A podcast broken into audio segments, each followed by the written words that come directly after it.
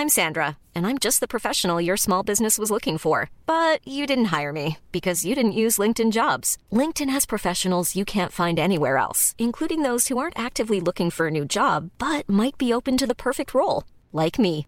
In a given month, over 70% of LinkedIn users don't visit other leading job sites. So if you're not looking on LinkedIn, you'll miss out on great candidates like Sandra. Start hiring professionals like a professional. Post your free job on linkedin.com/people today.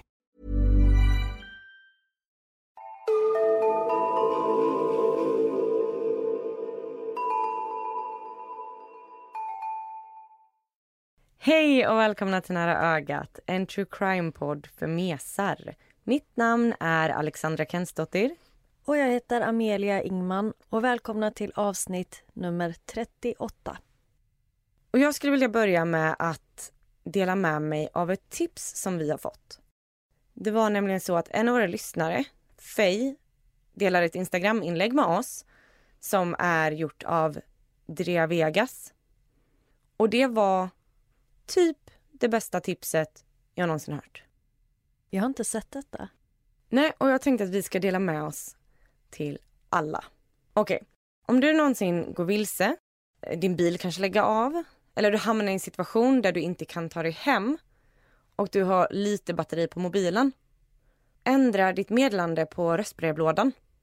Beskriv vart du är, vilken tid det är, vilket datum och din situation, om du är skadad eller vilse och om du ska börja gå mot en speciell stad eller någonting. På så sätt så kan alla personer som försöker nå dig höra det här meddelandet även efter din mobil har dött. För de kommer fram till din röstbrevlåda. Ja, det är verkligen ett superbra tips. Ja, och exempelvis om du börjar gå mot ett speciellt håll, uppge det i röstmeddelandet. Så vet personerna som letar efter dig vilket håll de ska börja gå. Eller vart de ska börja leta. Ja, bara ge all information man bara kan helt enkelt. Ja, jag tyckte det här var så genialiskt och en aha-upplevelse för mig. Så att kom ihåg det här nu. Om ni någonsin går vilse, ni är ute på fjället eller något. Ja, precis. Eller vilken situation som helst egentligen där ni kanske, där kanske telefonen dör och ni behöver dela med er av den här informationen. Mm.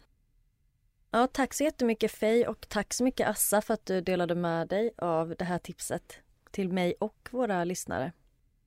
Och om det är någon annan där ute som vill skicka in tips så får ni hemskt gärna göra det till vår Facebook eller Instagram och där hittar ni oss under namnet Nära ögat podd. Och på tal om tips så är mitt fall idag också tips från en lyssnare.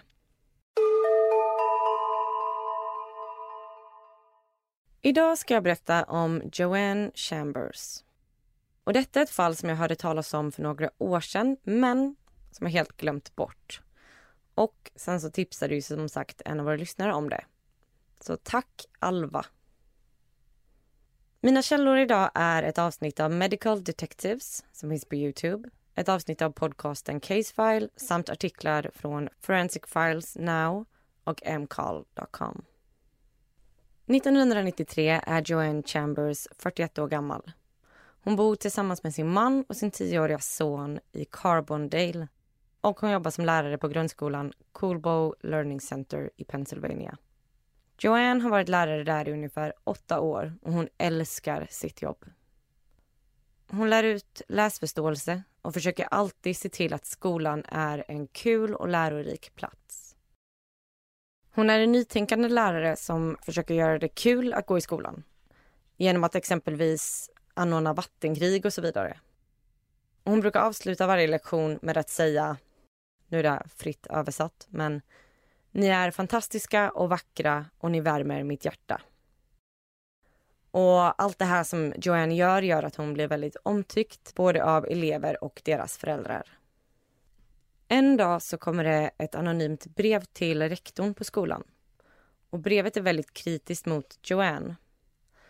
Det är både kritiskt om hennes lärarstil och klädsel och det är nästan lite hånande. Och det här visar sig vara det första brevet av många. Det fortsätter komma anonyma brev adresserade till rektorn. Och i ett brev så står det att Joanne haft med sig marijuana och att hon glatt visat upp det i lärarrummet. I ett annat stod det att hon minsann gillar whisky och att de borde ha koll på hennes kateder. Och mycket riktigt, när de kollade så låg det en flaska Jack Daniels i lådan. Och en bild på Joanne och hennes son, som hon alltid hade där, var borta. Joanne börjar nu bli rädd. Hon tycker att det känns ganska otäckt. Men hon känner att det kan bli bra om hon bara skulle få reda på vem det är som skriver breven och på så sätt prata med personen. Men breven fortsätter komma. Och de är skrivna på så sätt att skribenten verkar ha ett personligt agg mot Joanne. I något brev så står det Jag kan ta dig på första försöket. Ingen kan bevisa något. De kanske inte tror det, men jag är smartare än du. Din dumma bitch. Och nu börjar breven även komma hem till Joanne. Och för varje brev så eskalerar hoten. I ett brev står det att personen har fyra sätt att förgifta hennes kaffe. I ett annat brev så står det att Joanne antastar barn. I något brev står det att personen ska dra ut Joanne i skogen och tortera henne. Det skickas även ut bilder till elevernas föräldrar där personen tagit bilden som försvann från Joannes kateder, klippt ut hennes ansikte och klippt in det på pornografiska bilder. Och det här är såklart en fruktansvärt jobbig tid för Joanne. Tack och lov så är skolan och hennes kollegor väldigt stöttande i den här situationen. Och alla förstår ju att inget av det som skrivs i breven är sant utan det är bara någon som riktar väldigt mycket hat och hot mot henne. Fallet hamnar nu hos polischefen Anthony Flugel. Han misstänker att det är någon annan på skolan som gör detta mot henne.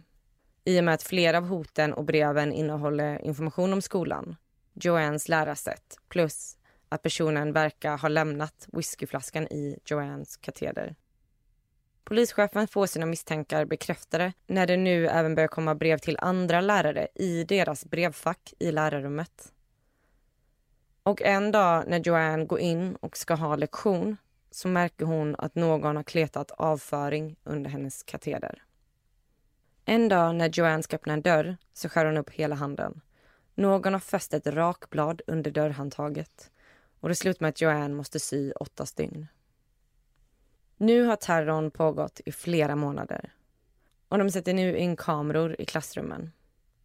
På en kamera ser man hur en annan lärare på skolan, Paula Navrocki, går in och hämtar Joannes kaffekopp.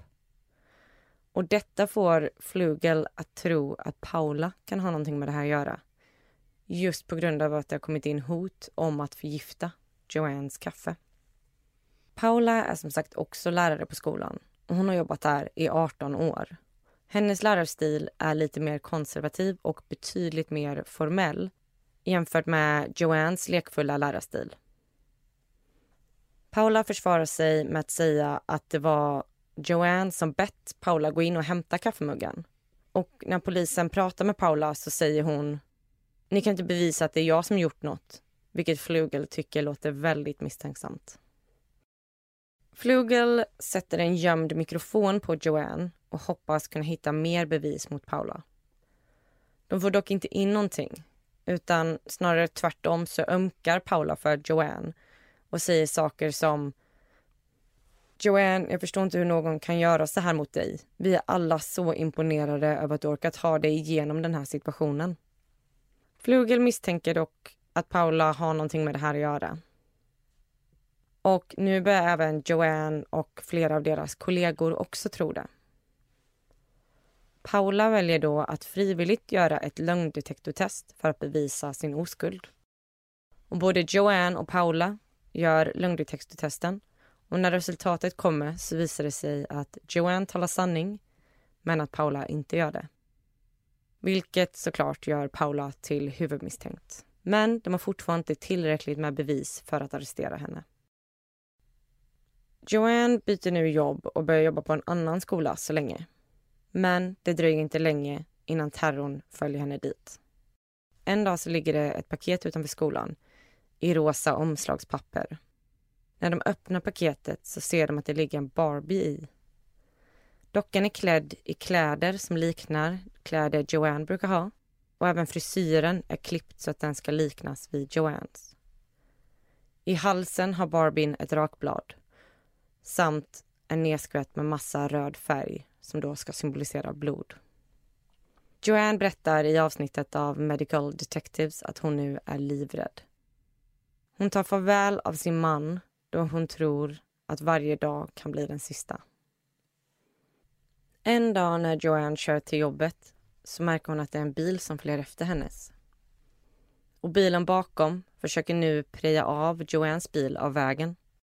Men Joanne lyckas kontrollera situationen och stanna till vid vägrenen.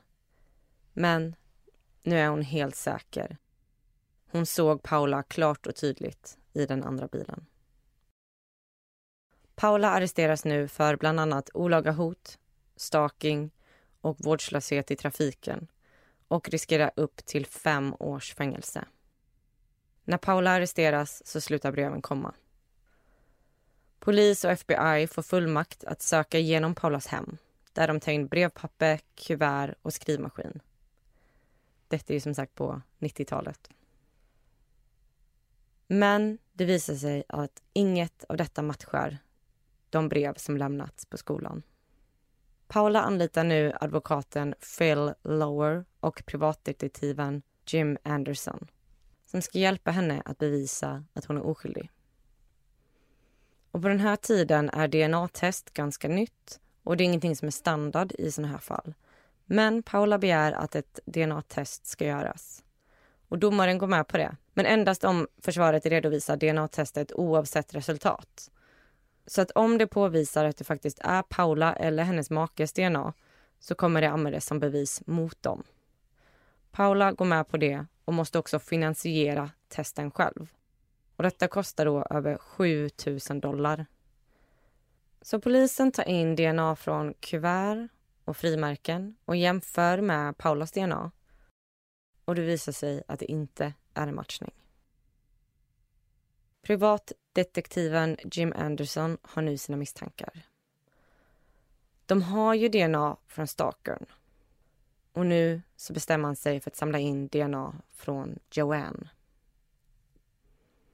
Så en dag när Joanne lämnat en soppåse för upphämtning på trottoaren ser Jim sin chans i och med att soporna inte längre är kvar på Joannes mark.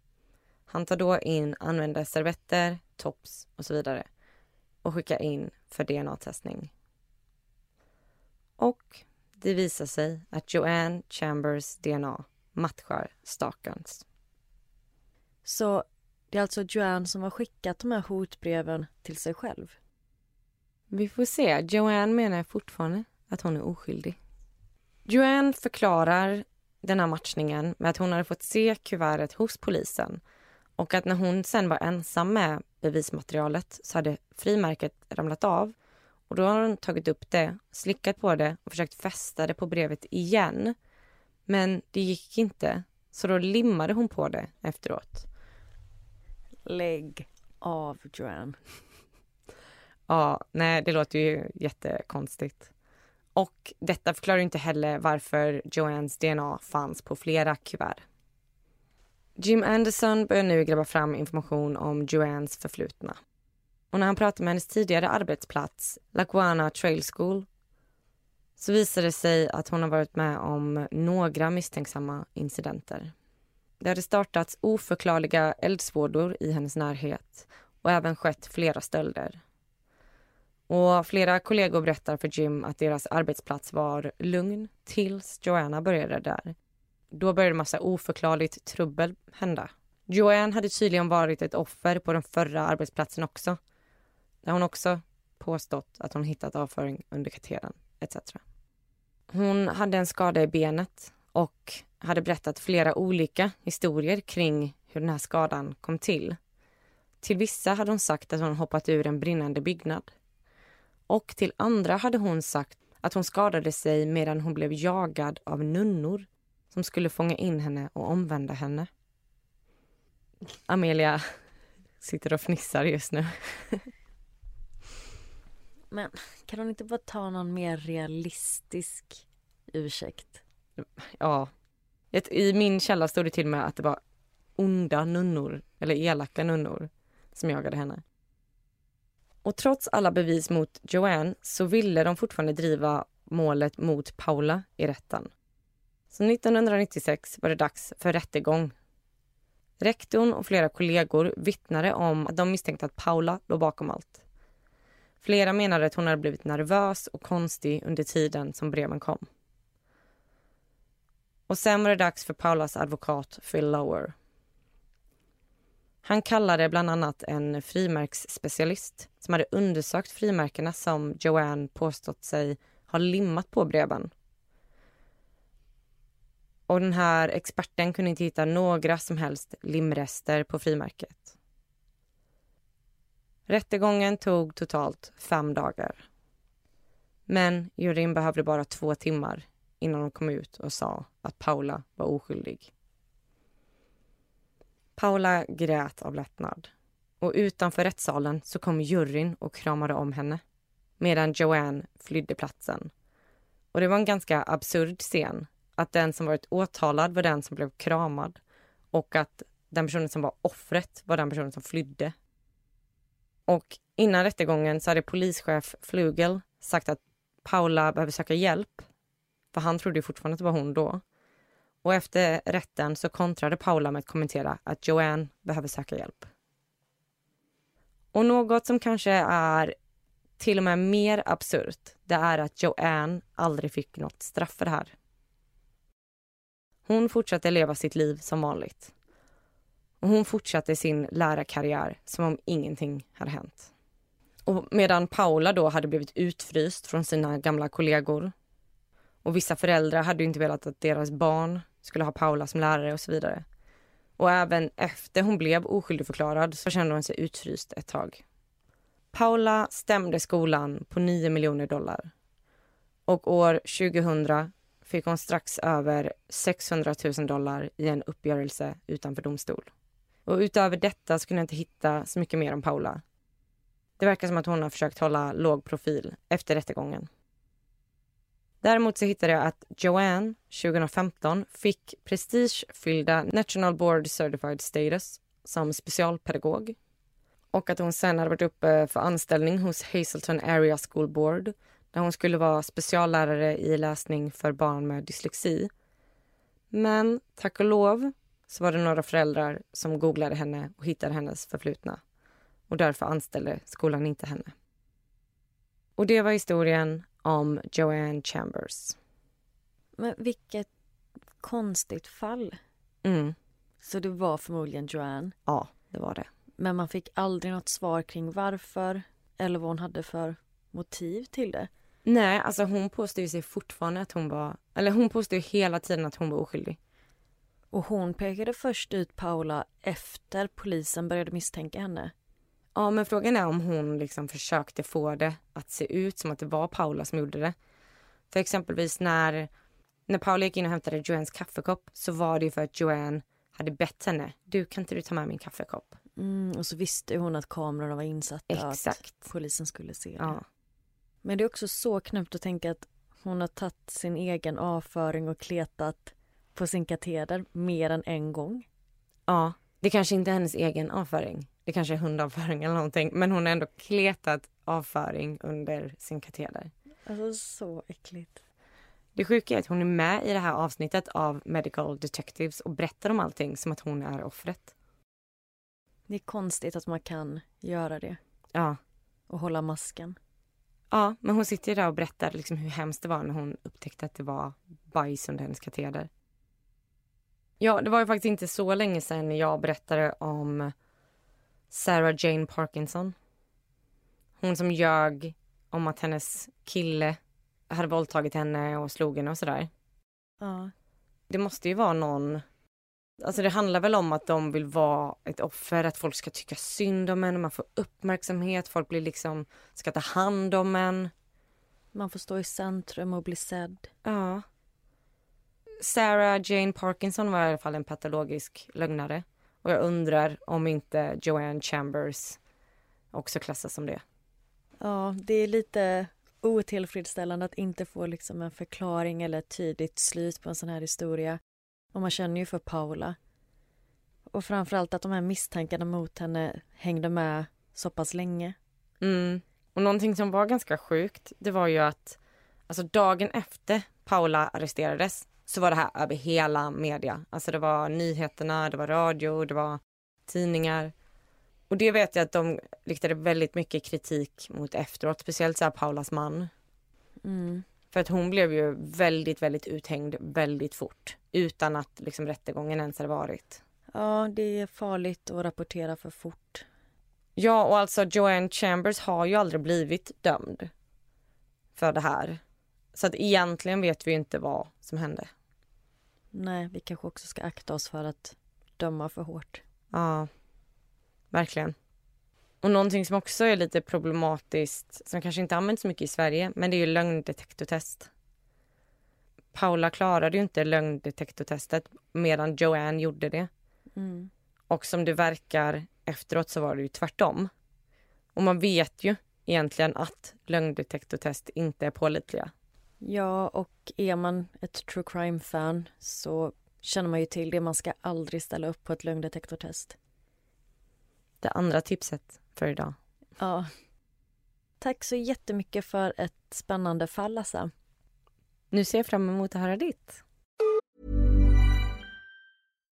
If you're looking for plump lips that last, you need to know about Juvederm lip fillers. With Juvederm Volbella XC and Juvederm Ultra XC, your lip look, whether it's subtle or bold, can last up to one full year with optimal treatment and no additional maintenance. Find a licensed specialist and see if it's right for you at juvederm.com today. That's J U V E D E R M.com. Add fullness to lips in adults over 21 with Juvederm Volbella XC or Juvederm Ultra XC. Do not use if you have severe allergies or a history of severe allergic reactions, or if you're allergic to lidocaine or the proteins used in Juvederm. Tell your doctor if you have a history of scarring or taking medicines that decrease the body's immune response or that can prolong bleeding. Common side effects include injection site redness, swelling, pain, tenderness, firmness, lumps, bumps, bruising, discoloration, or itching. As with all fillers, there's a rare risk of unintentional injection into a blood vessel, which can cause vision abnormalities, blindness, stroke, temporary scabs, or scarring. For full important safety information, visit juvederm.com.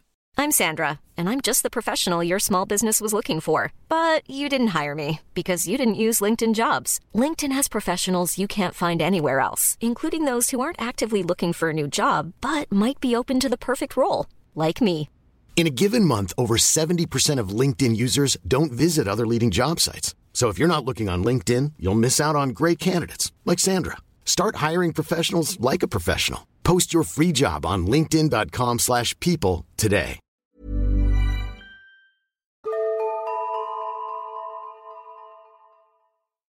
Idag ska jag berätta om Lori och Pat.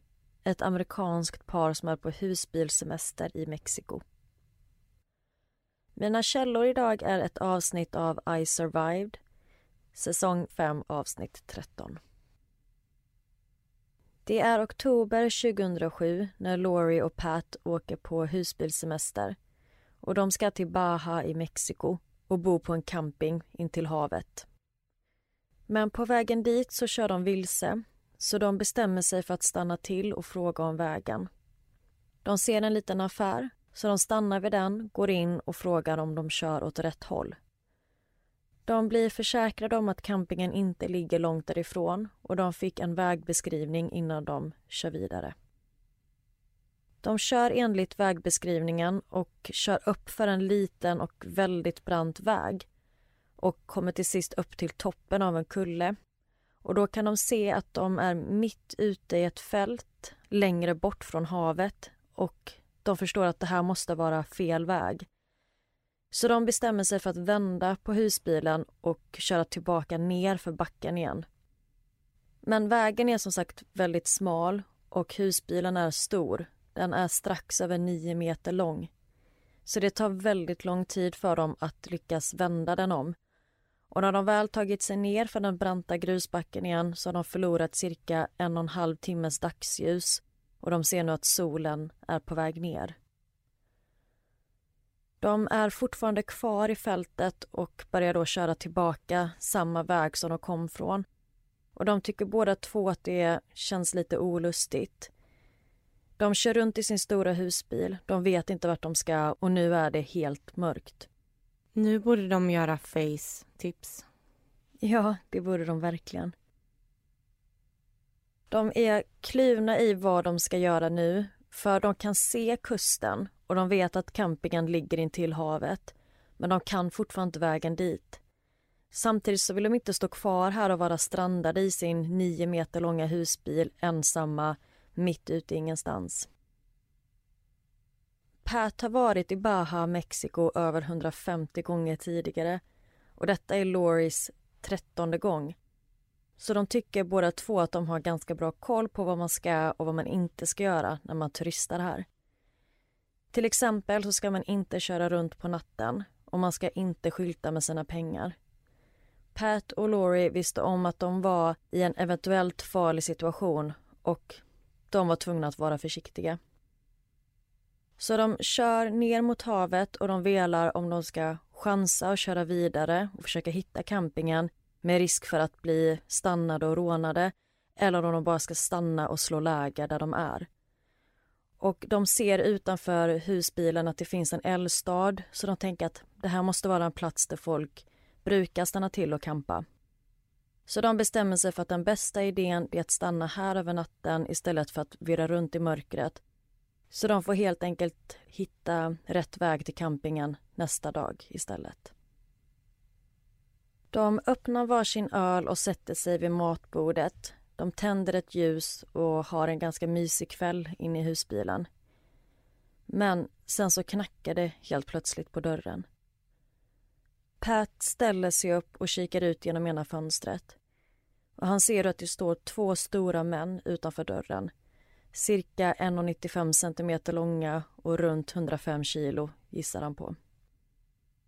De har på sig militärliknande kläder och skidmasker över sina ansikten. Och Pat förstår direkt att det här är inte bra.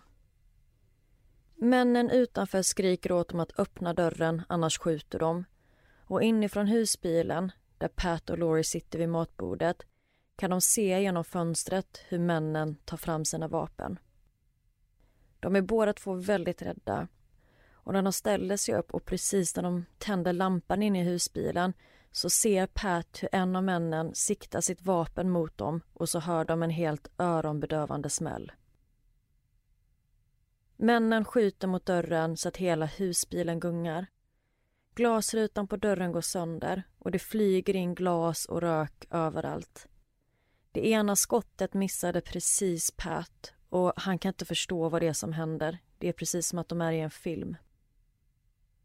Pats första instinkt var att bluffa. Och han säger till männen att han har ett hagelgevär i husbilen och att de inte ens ska försöka ta sig in. Men detta mottogs bara med att männen avlossade fler skott. Laurie började röra sig inåt i husbilen mot den bakre delen för att gömma sig och fly undan skottlossningen. Pat ligger i glasskärvor på golvet innanför dörren och han ser hur en hand med en svart handske på sträcker sig in genom den sönderskjutna rutan i dörren ner mot handtaget och försöker låsa upp. Samtidigt som den andra mannen har en pistol riktad mot Pat. Vilken mardrömssituation. Ja, och allt hände ju väldigt snabbt. De förstod att de var i en potentiellt farlig situation men det här var värre än vad de kunde föreställa sig. Ja. Pat reser sig upp med händerna i luften och flyttar sig sakta mot dörren och öppnar låset. Männen släpar ut honom ur husbilen och kastar ner honom på alla fyra på den smutsiga marken. Och den ena mannen har fortfarande sin pistol riktad mot Pat. Den andra mannen går in i husbilen. Laurie som gömmer sig inne i husbilen hör hur mannen kommer allt närmare och hon vet inte vad hon ska göra. För det finns ingenstans för henne att fly. Hon sitter gömd bakom ett hörn och hon vet att det bara är en tidsfråga innan han kommer hitta henne. Pat oroar sig för Loris säkerhet och vad mannen kommer göra med henne. Han vet inte vad som händer inne i husbilen men han kan höra hur mannen rotar runt bland skåpen, slänger runt saker och sliter av bordet. Men det finns ingenting som Pat kan göra. Han hålls fortfarande under pistolhot och han sitter på knä på marken och har pistolmynningen i nacken. Han har ingen aning om vad som kommer hända dem och ifall de kommer dö. Samtidigt så är Laurie helt livrädd. Hennes hjärta dunkar allt snabbare och hon vågar knappt tänka på vad som kommer hända härnäst. Snart kommer han nå fram till henne och hon undrar om han kommer skjuta henne direkt. Oavsett vad så finns det inget hon kan göra åt det. Hon är fast där inne. Och till sist kommer mannen in i sovrummet och ser Laurie. Han leder ut henne ur husbilen och där ser hon Pat på knä. Den andra mannen tvingar ner Laurie så att hon också står på knä, huvud mot huvud med Pat. De är lättade över att se att den andra är okej, okay, för det är det enda som betyder någonting. Männen kan ta allt de har, deras pengar, saker, husbilen, så länge de två får gå oskadda härifrån. Och Pat beskriver en fruktansvärd dödsångest, att han inte vet om hans nästa andetag blir hans sista. För att den ena mannen har som sagt en pistol riktad mot Pats huvud hela tiden. Och han tänker att även om inte mannen skjuter så kan ju vapnet gå loss av sig självt. Och då slås även Pat av tanken att det är ingen som vet att de befinner sig här. Ingen har deras koordinater eller exakta plats och han förstår hur lätt det skulle vara för dem att försvinna härifrån. Att ingen någonsin kanske kommer hitta Laurie och Pat igen. Laurie är såklart också livrädd. Och de maskerade männen börjar röra sig runt dem. Och Pat försöker få ögonkontakt med Laurie för att prata med henne. Men hans huvud tvingas ner igen så att han bara ser den ena mannens skor. Och då hör han hur en dragkedja öppnas. Och nu vill jag varna för att det blir lite obehagliga detaljer. Ledaren av de två männen ställer sig bakom Laurie och börjar dra i hennes byxor. Han sliter ner byxorna så att de sitter på låren. Och så tar han sin pistol och börjar dra den mot hennes kropp och trycker den mot hennes bakdel. Laurie tänker att han kommer våldföra sig på henne med pistolen. Men gud vad hemskt. Ja, sån mardröm. Det är så mörkt ute att Laurie knappt kan se Pat som sitter mitt emot henne. Men hon vet att han förstår vad det är som är på väg att hända. Och hon beskriver situationen som helt fruktansvärd. Och Pat kan inte göra någonting. Han har fortfarande pistol riktad mot sitt huvud och det enda han kan göra är att sitta där och vänta. Mannen som håller på med Laurie går runt henne så att han står framför henne. Han sliter upp henne från alla fyra så att hon står på knä på marken och sen tvingar han henne till att utföra oralsex. Hon beskriver att det kändes som en evighet. Och det var väldigt svårt för Pat att försöka hålla sig lugn. För allt han ville göra det var ju att hjälpa Laurie. Men han kunde inte. Och när den första mannen är klar så är det den andras tur. När männen är klara så hör Pat och Laurie att en av dem laddar om sin pistol och de tänker att nu är det över. Den första mannen går in i husbilen igen och rotar runt och samlar på sig allt av värde som han kan hitta. Efter det så leder männen in Laurie och Pat i husbilen igen. Den ena mannen har då tagit en resväska som han håller i ena handen och den är fylld med saker som han har samlat på sig. Och den andra mannen har tagit en gitarr som han har hängt på sin rygg och sen så lämnar de husbilen. Och Pat kan se deras silhuetter försvinna bort i månljuset. Allt Laurie och Pat vill är nu att lämna den här platsen. De är båda två chockade och traumatiserade efter vad de precis utsatts för. Men de samlar all kraft de bara kan för att nu försöka ta sig därifrån. De är tacksamma över att fortfarande vara vid liv men de förstår också att de fortfarande är långt ifrån säkerhet. De oroar sig för att om männen hör att de startar husbilen så kanske de kommer tillbaka. Det kanske finns fler män som står och väntar längre bort och om de försöker köra därifrån så kanske männen kommer skjuta mot dem och försöka döda dem. Men de bestämmer sig för att det bästa är ändå att försöka köra från platsen. Så Pat startar husbilen och gasar på. Och han kör i över 120 kilometer i timmen på den smala grusvägen och Laurie ber honom att sakta ner. Hon är rädd för att däcken kommer gå sönder eller för att husbilen inte kommer klara av det. Men Pat säger bara att han bryr sig inte. Han ska ta dem till säkerhet. Och det spelar ingen roll om de kommer dit på fälgarna. Laurie och Pat kör till närmsta stad och rapporterar attacken till den mexikanska polisen. Men tyvärr så har man aldrig lyckats identifiera de två männen från den här natten. Laurie jobbar som sjuksköterska på en akutmottagning så hon berättar att hon är väldigt van vid krissituationer och adrenalin. Och hon säger att både hon och Pat gjorde vad de behövde för att överleva den natten. Och de hade bara varit ett par i cirka 18 månader när den här fruktansvärda attacken ägde rum. Och Pat berättar att han tycker att detta har fört dem ännu närmare varandra. Det cementerade verkligen deras förhållande. Och de delar en upplevelse som ingen annan människa någonsin kommer kunna förstå.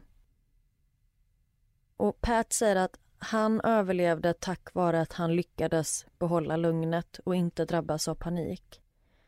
Och han säger att om han eller Laurie hade agerat annorlunda på något sätt försökt göra motstånd eller drabbats av panik eller försökt fly så tror han inte att de hade överlevt den här attacken. Och Laurie håller också med i det Pat säger. Hon och Pat var helt synkade i hur de hanterade situationen och de gjorde som sagt det de kände behövdes för att överleva. Och det var att inte göra någonting alls, utan bara att lyda de här förövarna. De känner sig väldigt tacksamma över att vara vid liv. Och även en tacksamhet kring att de känner att de fattade rätt beslut den här natten och att de agerade på rätt sätt. Och det var berättelsen om Pat och Laurie. Even when we're on a budget we still deserve nice things. Quince is a place to scoop up stunning high-end goods for 50 to 80% less than similar brands. They have buttery soft cashmere sweaters starting at $50, luxurious Italian leather bags and so much more. Plus, Quince only works with factories that use safe, ethical, and responsible manufacturing. Get the high-end goods you'll love without the high price tag with Quince. Go to quince.com/style for free shipping and 365-day returns. Vilken hemsk upplevelse. Ja, och det här avsnittet i I survived, som är min källa, där gav de inte jättemycket mer information. Jag kunde till exempel inte hitta deras efternamn.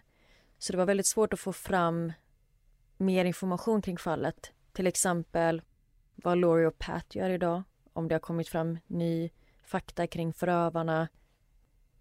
Ja, men hur de har hanterat det här traumat helt enkelt. Så att det här var allt jag kunde få fram. Ja, man kan ju förstå att de exempelvis inte vill gå ut med efternamn i och med att de har varit med om såna här saker. Alltså jag vet inte, jag tänker att vem vet, de här männen som inte blev tagna finns ju där ute någonstans. Inte kanske för att de skulle leta upp dem, men det kanske känns lite säkrare att inte helt vara identifierad. Ja, säkert. Så om ni har några frågor kring det här fallet så kan jag tyvärr inte besvara dem.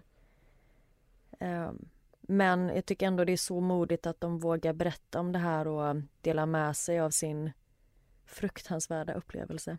Ja, verkligen. Och i många fall man lyssnar på så får man ju alltid höra om hur, vilken hjälte som gjorde det här och de reagerade så här och han brottade ner dem. Men i det här fallet så var det ju kanske då helt rätt att inte göra de här övermodiga hjälteinsatserna för det hade förmodligen dödat dem. Så det är bra att höra en sån här historia också. Ja, precis. För att det finns inget rätt och fel. Varje situation är unik. Och de säger flera gånger i den här intervjun, både Pat och Laurie, hur mycket det stred mot Pats natur att vara passiv. För han är inte den typen av man och han brukar ta väldigt mycket kommando och stå upp för andra och för honom då att vara lugn och inte försöka ingripa var väldigt svårt. Och även Laurie säger att hon blev förvånad över att han klarade av det. Men båda två är ju eniga om att hade de inte gjort det så hade någon av dem, om inte båda, mist livet. Mm. Ja, och, och vi har ju tagit upp en hel del fall med våldtäkter och sådär. Och jag kan inte förstå hur man kan få upp den. Jag kan bara säga så ens. Men alltså, jag kan inte förstå att en man... Att det är fysiskt möjligt. För mig är det helt ologiskt att en person kan bli upphetsad av en sån här situation. Nej, jag förstår inte det heller. Speciellt två gärningsmän. Båda två utnyttjar den här kvinnan. Jag fattar inte Nej. hur man kan göra det. Både fysiskt men också mentalt. Hur är man funtad? Ja, men jag menar alltså det, de, de hade ju verkligen bara kunnat så här. okej okay, ut härifrån, vi snor er bil och alla era grejer, hej då. De behöver inte utföra en våldtäkt. Nej, jag vet inte om det handlar om förnedring, makt, ingen aning, men så himla vidrigt. Ja, är fruktansvärt. Men de tog sig därifrån och det här scenariot när han drog vapnet mot Laurie, jag kan förtydliga att han gjorde ingenting med vapnet utan jag vet inte, han kanske bara försökte skrämma henne genom att göra så. Men det försiggick ju såklart sexuella övergrepp här, en våldtäkt. Men just det med vapnet vill jag bara förtydliga. Det som blir fint i den här historien är ju att höra att de fortfarande är tillsammans och att det här förde dem närmre. Det här känns ju verkligen som att det kan vara en brytpunkt annars. Att så här, vi, I och med att vi upplevde det här så tog det slut. Men i den här situationen så blev de liksom ännu närmre varandra. Att de fick det här bandet. Mm. Det är ju ändå fint att höra. Ja, och det har man ju hört för att ett delat trauma kan ju verkligen föra en närmare varandra. Och jag vet inte riktigt hur gamla de är eller var när detta hände men 50, 60 årsåldern ungefär kanske. Och de hade ju bara varit tillsammans ett och ett halvt år så båda beskriver det som ett ganska nytt förhållande. Men att men som jag sa innan, den här situationen cementerade verkligen deras förhållande. Vad tråkigt att gärningsmännen gick fria. Ja, förhoppningsvis så åkte de fast för någonting annat eller längre fram efter de gjorde den här intervjun. Vem vet? Det känns ju inte som att det var första gången de gjorde något sånt här. Nej, säkert inte. Ja men tusen tack Amelia. Och det var ju som sagt inte jättemånga källor idag men vem vet, ni där ute kanske är bättre på att gräva fram information. Så om ni är nyfikna, Laurie och Pat, I survived, säsong 5 avsnitt 13. Och om ni hittar något så hör av er till oss. Det vore ju superintressant att veta. Ja, det måste ni göra. Och då hittar ni oss på Facebook och Instagram under namnet Nära ögat podd. Och tills vi hörs igen nästa vecka så får ni ha det jättefint. Puss puss. Hej då!